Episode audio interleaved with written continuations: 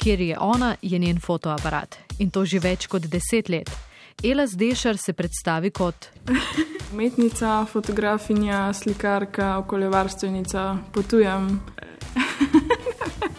ja, pa bi se še kaj najdel. Vse to pri pičlih 20 letih. Takoj, ko je postala polnoletna, se je sama odpravila na svoje prvo potovanje in odtlej razmišlja o tem, kako pobegniti v tujino. Tam pa ne v betonska mestna središča, temveč v divjino. Ker sem bila mehna, smo zelo veliko hodili tam okrog po močvirjih in gozdovih in skozi smo bili v naravi. Doma nismo nikoli imeli televizije um, in je še zdaj nimamo. ja, res je bilo vedno vse z naravo, umetnost, en milijon stvari sem počela. Nikoli nisem bila ekstrovertirana, pa da bi se s ljudmi družila in tako, tako da je bilo iti sama pod napotovanje kar izziv. Ampak sem si vedno želela videti svet okrog in um, sem sam čakala, da bom lahko šla.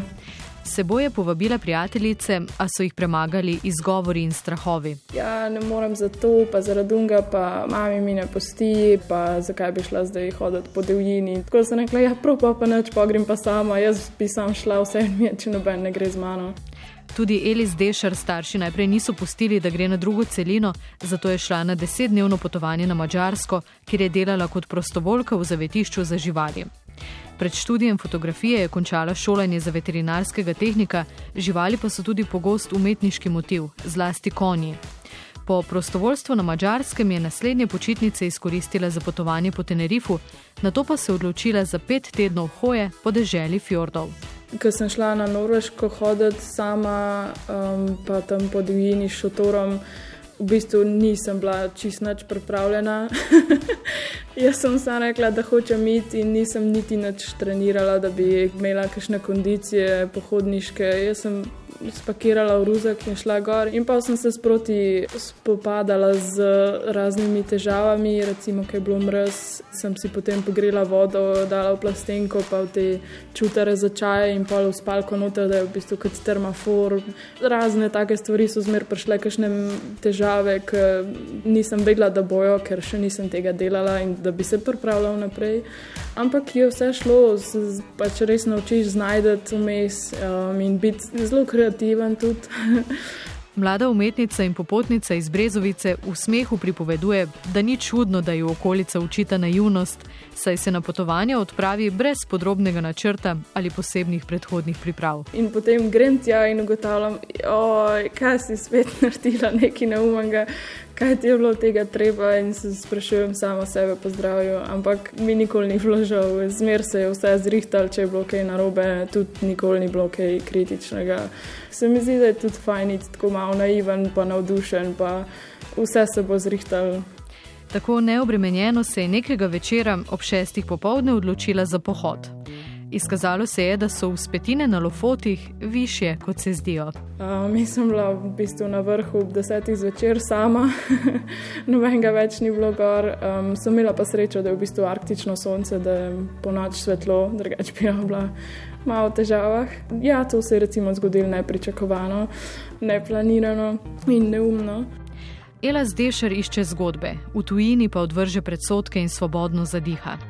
Pravi, da je tam drugačna, bolj odprta, pogumna in sprejemajoča.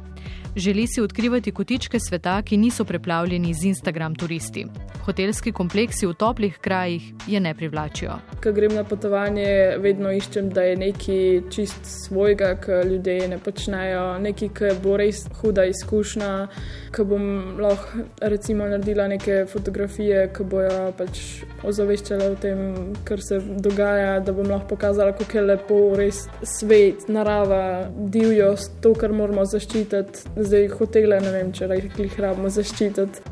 Tudi zato se na potovanju, če le lahko, premika peš. Precejšnji oglični odtis namreč pustimo že preden pristanemo na želeni destinaciji.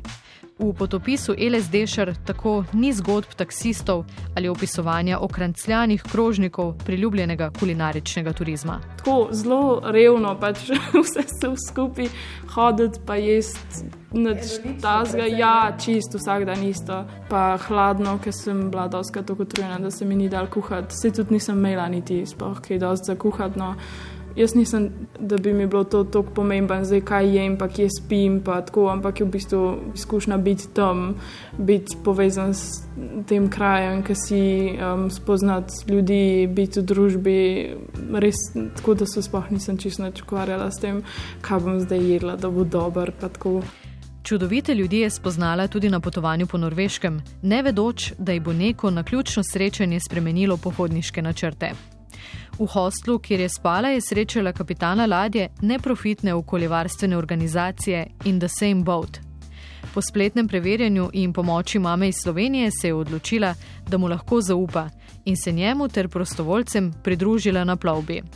Ladjo so pozneje zamenjali za jadrnico in se podali na sever, kjer so skupaj čistili obale Norveške. Lani se je tja vrnila še za tri mesece, vsakodnevno delo pa dokumentirala s fotoaparatom, saj želi upozarjati na posledice neodgovornega ravnanja z naravo. Ljudje ne bojo vsi mogli tega videti v živo in se mi zdi, da je res potrebnih veliko fotografov, pripovedovalcev, snemalcev, umetnikov, da to pokažejo in povejo, da je treba to zaščititi in pomagati, da pač to vse dogaja. Jaz sem videla ful enih že dokumentarnih filmov, ki so bili vsi posneti, no ne vsi, ampak večina v azijskih državah, ker je res je veliko smeti in to vse dogaja ampak tudi na norveškem, ki vsi vemo, kako je lepa, pa čez divja. In mi smo vsak dan, štiri punce smo bile na začetku, smo vsak dan pripeljali več kot eno tono smeti, čist vsak dan, vključno z vikendi. In mislim, da je to res treba povedati. In s fotografijo je to v bistvu veliko lažje, kot pa z besedilom, ker si ljudje lahko res predstavljajo in vidijo na lastne oči skoraj. 20-letna Ela Zdešar je tri mesece preživela na jadrnici ob vsakodnevnem pobiranju smeti. Se je kdaj vprašala, zakaj to počne? Zakaj ne bi raje fotografirala čudovitih sončnih zahodov ob lenarjenju na plaži? Nikoli se nisem počutila, da bi lahko uživala medtem, ko delam neko stvar za nekoga drugega. Sicer vse vmes, ki si res utrujen, mi smo delali čisto vsak dan, pa fizično je zelo naporno, res, ker tiste vreče, ki jih nosiš imajo lahko po 40 kg vsaka, pa moraš ne z dve, zato ker se mudi, ko bo. Recimo. Ja, včasih se res vprašaš, zakaj mi to delamo, zakaj ne uživamo tukaj, ker je to lepo in zakaj tle čistimo, ker pač ni nič od tega sploh naše no, vprašanje, lahko tudi je. Ne. Hkrati je pa to dober uh, občutek, da delaš nekaj, kar dejansko lahko majčko, ampak vseeno lahko spremeni svet lahko nekomu pomaga, lahko reši neko morsko žival, ali pa na kopnem smo najdeli tudi kakšne živali zapletene v mreže, ki niso mogle več jesti, pa so poginile.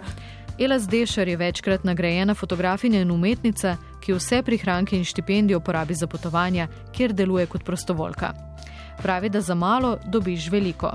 Vsem tistim, ki oklevajo in zbirajo pogum, pa sporoča, da je vredno spakirati na hrbnik in se odpraviti v neznano. Pogum zbrati je včasih res težko. Mene je tudi pol na koncu malo zvil, preden sem šla. Sem rekla, jo, jaz zdaj grem res sama nekam. Ne?